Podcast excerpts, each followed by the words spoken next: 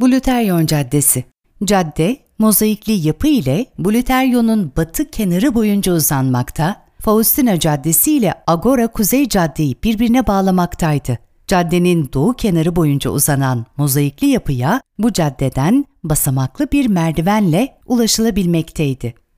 Diğer yandan batısında kalan yapı adasında Agora Roma Hamamı ile ilişkili olan bir cimnasyonun olduğu düşünülmektedir.